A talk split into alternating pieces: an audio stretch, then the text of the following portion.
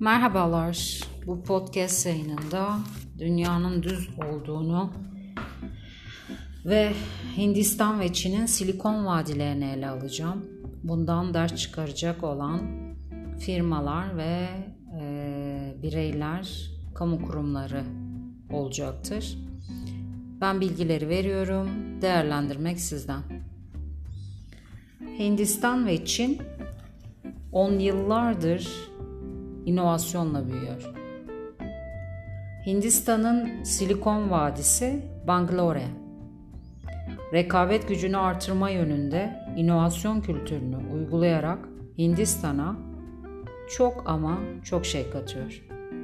Dünyanın en önemli taşeron iş merkezlerinden birisi konumunda Bangalore, çağrı merkezleri ve back office işlemlerinde öncü durumda.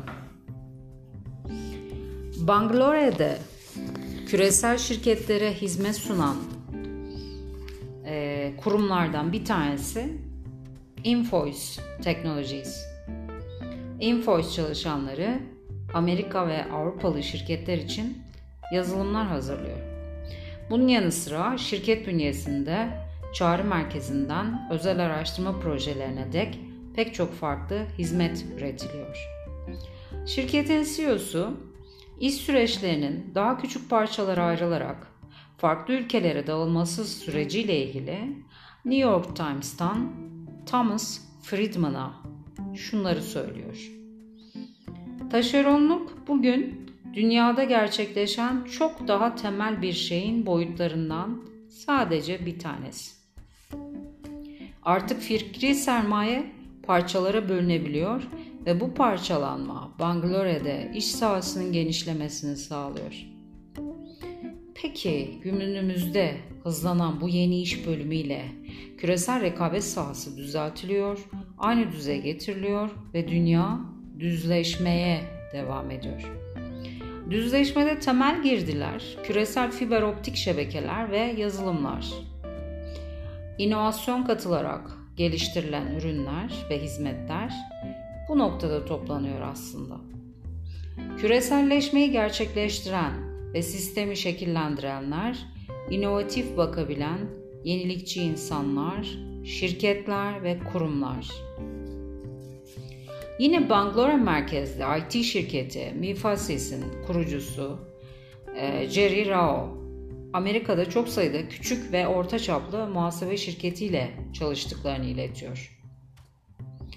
Amerika'da geniş bir portföye sahip olmalarının nedeni vergi beyannamesi işlemlerini kolay ve ucuz hale getiren standart formatlar oluşturan bir iş akışı yazılımı üretmiş olmaları. Bu yazılım verilerin gizliliğini garanti ediyor. Server aracılığıyla mükellefin tam e, olarak ham bilgilerine ulaşabilmeyi ve beyanname hazırlamayı mümkün kılabiliyor. Jerry Rao diyor ki Herkes yarattığı katma değer neyse tamamen o konuya odaklanmalı. İşte başarı bu şekilde garantileniyor. Yani konuya odaklan, inovasyon yap, yarattığın değerle kazancını artır. Dünyanın düzleştiğine dair işte bir örnek daha. Bilgisayarlı tomografi raporları elektronik ortamda dünyanın diğer ucundaki başka bir doktora gönderiliyor ve saat farkı avantajı kullanılarak bu doktor raporları yorumluyor. Bir diğer örnek taşeron habercilik üzerine. Borsada karını açıklayan bir şirketle ilgili bilgi Reuters, Dow Jones, Bloomberg gibi ajansları dakikası dakikasına Bangalore'nin iletişim imkanları kullanılarak geçiliyor.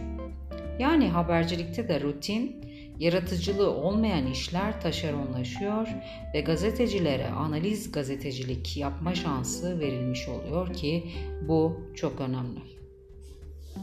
Bunun yanı sıra araştırma ve analizlerin iyi eğitim görmüş Bangalore'lılar tarafından yapılması da gitgide yaygınlaşan uygulamalar arasında. Yani Bangalore aslında kendini müthiş bir şekilde geliştiriyor Silikon Vadisi olarak. Zaten bu bir gereklilik değil mi? Bir başka taşeron iş de yönetici sekreterliği ki bu noktada e, B2K e, adlı bir şirket var. Brickwork adlı biriminde her zaman çok yoğun olan uluslararası şirketlerin yöneticilerine yönetici sekreterliği hizmet veriyorlar. Mesela neler yapıyorlar? Herhangi bir konuyla ilgili iki gün içinde topluluk önünde bir konuşma yapmanız gerekiyorsa hiç tanışmadığınız yönetici sekreteriniz konu hakkında gerekli araştırma yapıyor, hazırladığı sunum dosyasını size mail yoluyla gönderebiliyor. Nerede o sekreterler? Okunması gereken bir kitap veya rapor söz konusu ise de ve sizin bu konuda e, ayıracak zamanınız yoksa bunun özetini de deniz aşırı sekreteriniz saat farkı sayesinde siz uyurken hazırlayıp size gönderebiliyor. Harika. Dolayısıyla sabah uyandığınızda tüm işler bitmiş bir şekilde yanı başınızda hazır oluyor. Kim istemez böyle bir sistemi? Bir deniz aşırı sekreterle çalışmanın maliyeti ise e, sadece 1500-2000 dolar arasında. Bu yetkinlikte çalışan bulmak zor değil. Çünkü her yıl üniversiteden e, mezun olan 2,5 milyon öğrenci ek olarak birçok yeteneğe sahip olmakla birlikte daha önce herhangi bir yerde çalışmamış kadınlar da iş gücü piyasasına katılıyor. Hindistan açısından bundan daha büyük bir fırsat olabilir mi? Diğer ülkeler açısından da aynı şekilde şayet insan kaynaklarını bu şekilde değerlendirebilirlerse. Amerika'daki taşeron işlerin Hindistan'a kayması ile birlikte Amerika'da çalışmak isteyen Hindistanlılar bu isteklerinden vazgeçiyorlar.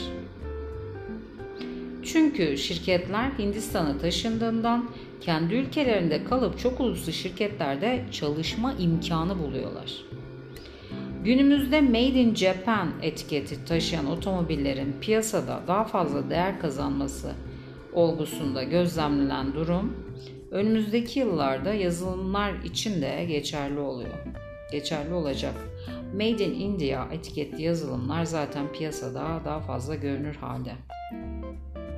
Çünkü yenilik küreselleşiyor. İnovasyon küreselleşmiş ve giderek daha çok sayıda Amerikalı ve Avrupalı şirket önemli ARGE işlerini taşeron olarak Hindistan'a, Rusya'ya, Çin'e yaptırabiliyorlar.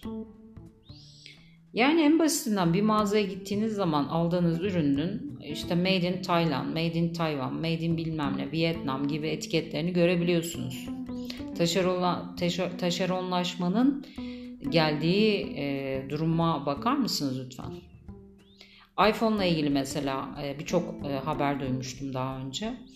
E, ama kınanan bir şey tabii çocuk işçiliği. Yine taşeronlaşmış küçük parçaların e, iç, e, telefonun içindeki küçük parçaların e, yurt dışında toparlanması işte etiket noktasında sadece e, Amerika'da bu sürecin tamamlanması veya işte kot pantolonlarda, jeanlerde e, efsane vardır böyle konuşulan bir efsane.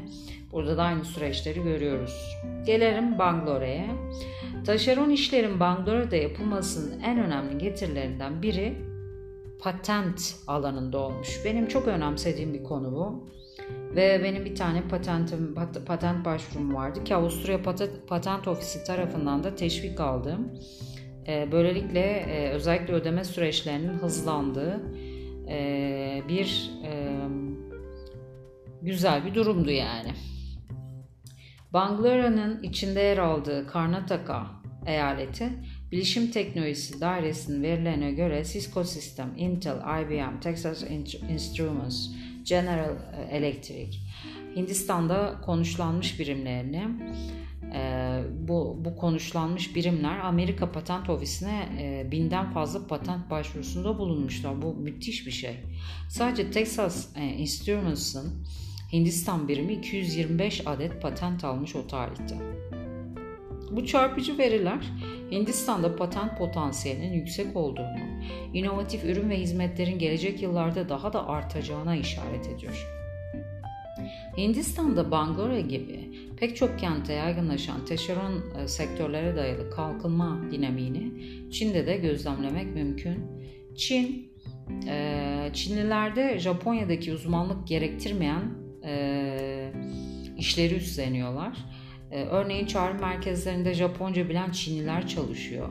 E, niye? Çünkü Japon işgali altında yaşamıştı Çin bir süre. Japonca bilen personel bulmakta pek zorlanılmıyor dolayısıyla.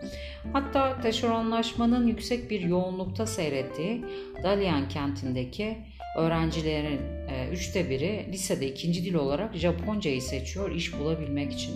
Bu yüzden de e, Japon firmalar taşeron işlerde Çin'i tercih ediyorlar. Çin'deki taşeron sektörlerin evrimine baktığımız zaman Bangalore'dekine benzer bir yönelim izlendiğini ve veri girişi, araştırma geliştirme ve yazılım gibi e, odak noktalarının oluştuğunu görüyoruz. Çin'de Microsoft, Dell, SAP, HP, Sony, Accenture gibi e, şirketlerin back office işleri de yapılıyor. Araştırma geliştirme işleri de, ARGE işleri de Çin'in vazgeçilmezi. Peki nasıl oldu da Çin bu denli verimli sektörler için bir e, çekim merkezi haline geldi? Bu dönüşümü anlamanın anahtar kavramı meritokrasi. Yani kamuda ve şirketlerde liyakate, beceriye göre terfi sisteminin geçerli olması, ülkeyi ve toplumu bilgili, birikimli bir grup insanın yönetmesi. Neymiş meritokrasi? Efendim neymiş meritokrasi? Yetenekli kişilerin önünü açma konusunda Çin gayet olumlu bir tablo çizmiş ve karşılığını da e, hali hazırda zaten görmeye devam ediyor. Çinlilerin İngilizcesi Hintliler kadar iyi olmasa da nüfus avantajı sayesinde İngilizcesi en iyi olan zeki öğrencileri seçme şansları yükseliyor. Gençler daha iyi işlerde çalışabilmek ve Japon meslektaşlarıyla rekabet edebilmek için İngilizceyi ilerletmek için büyük çaba sarf ediyorlar.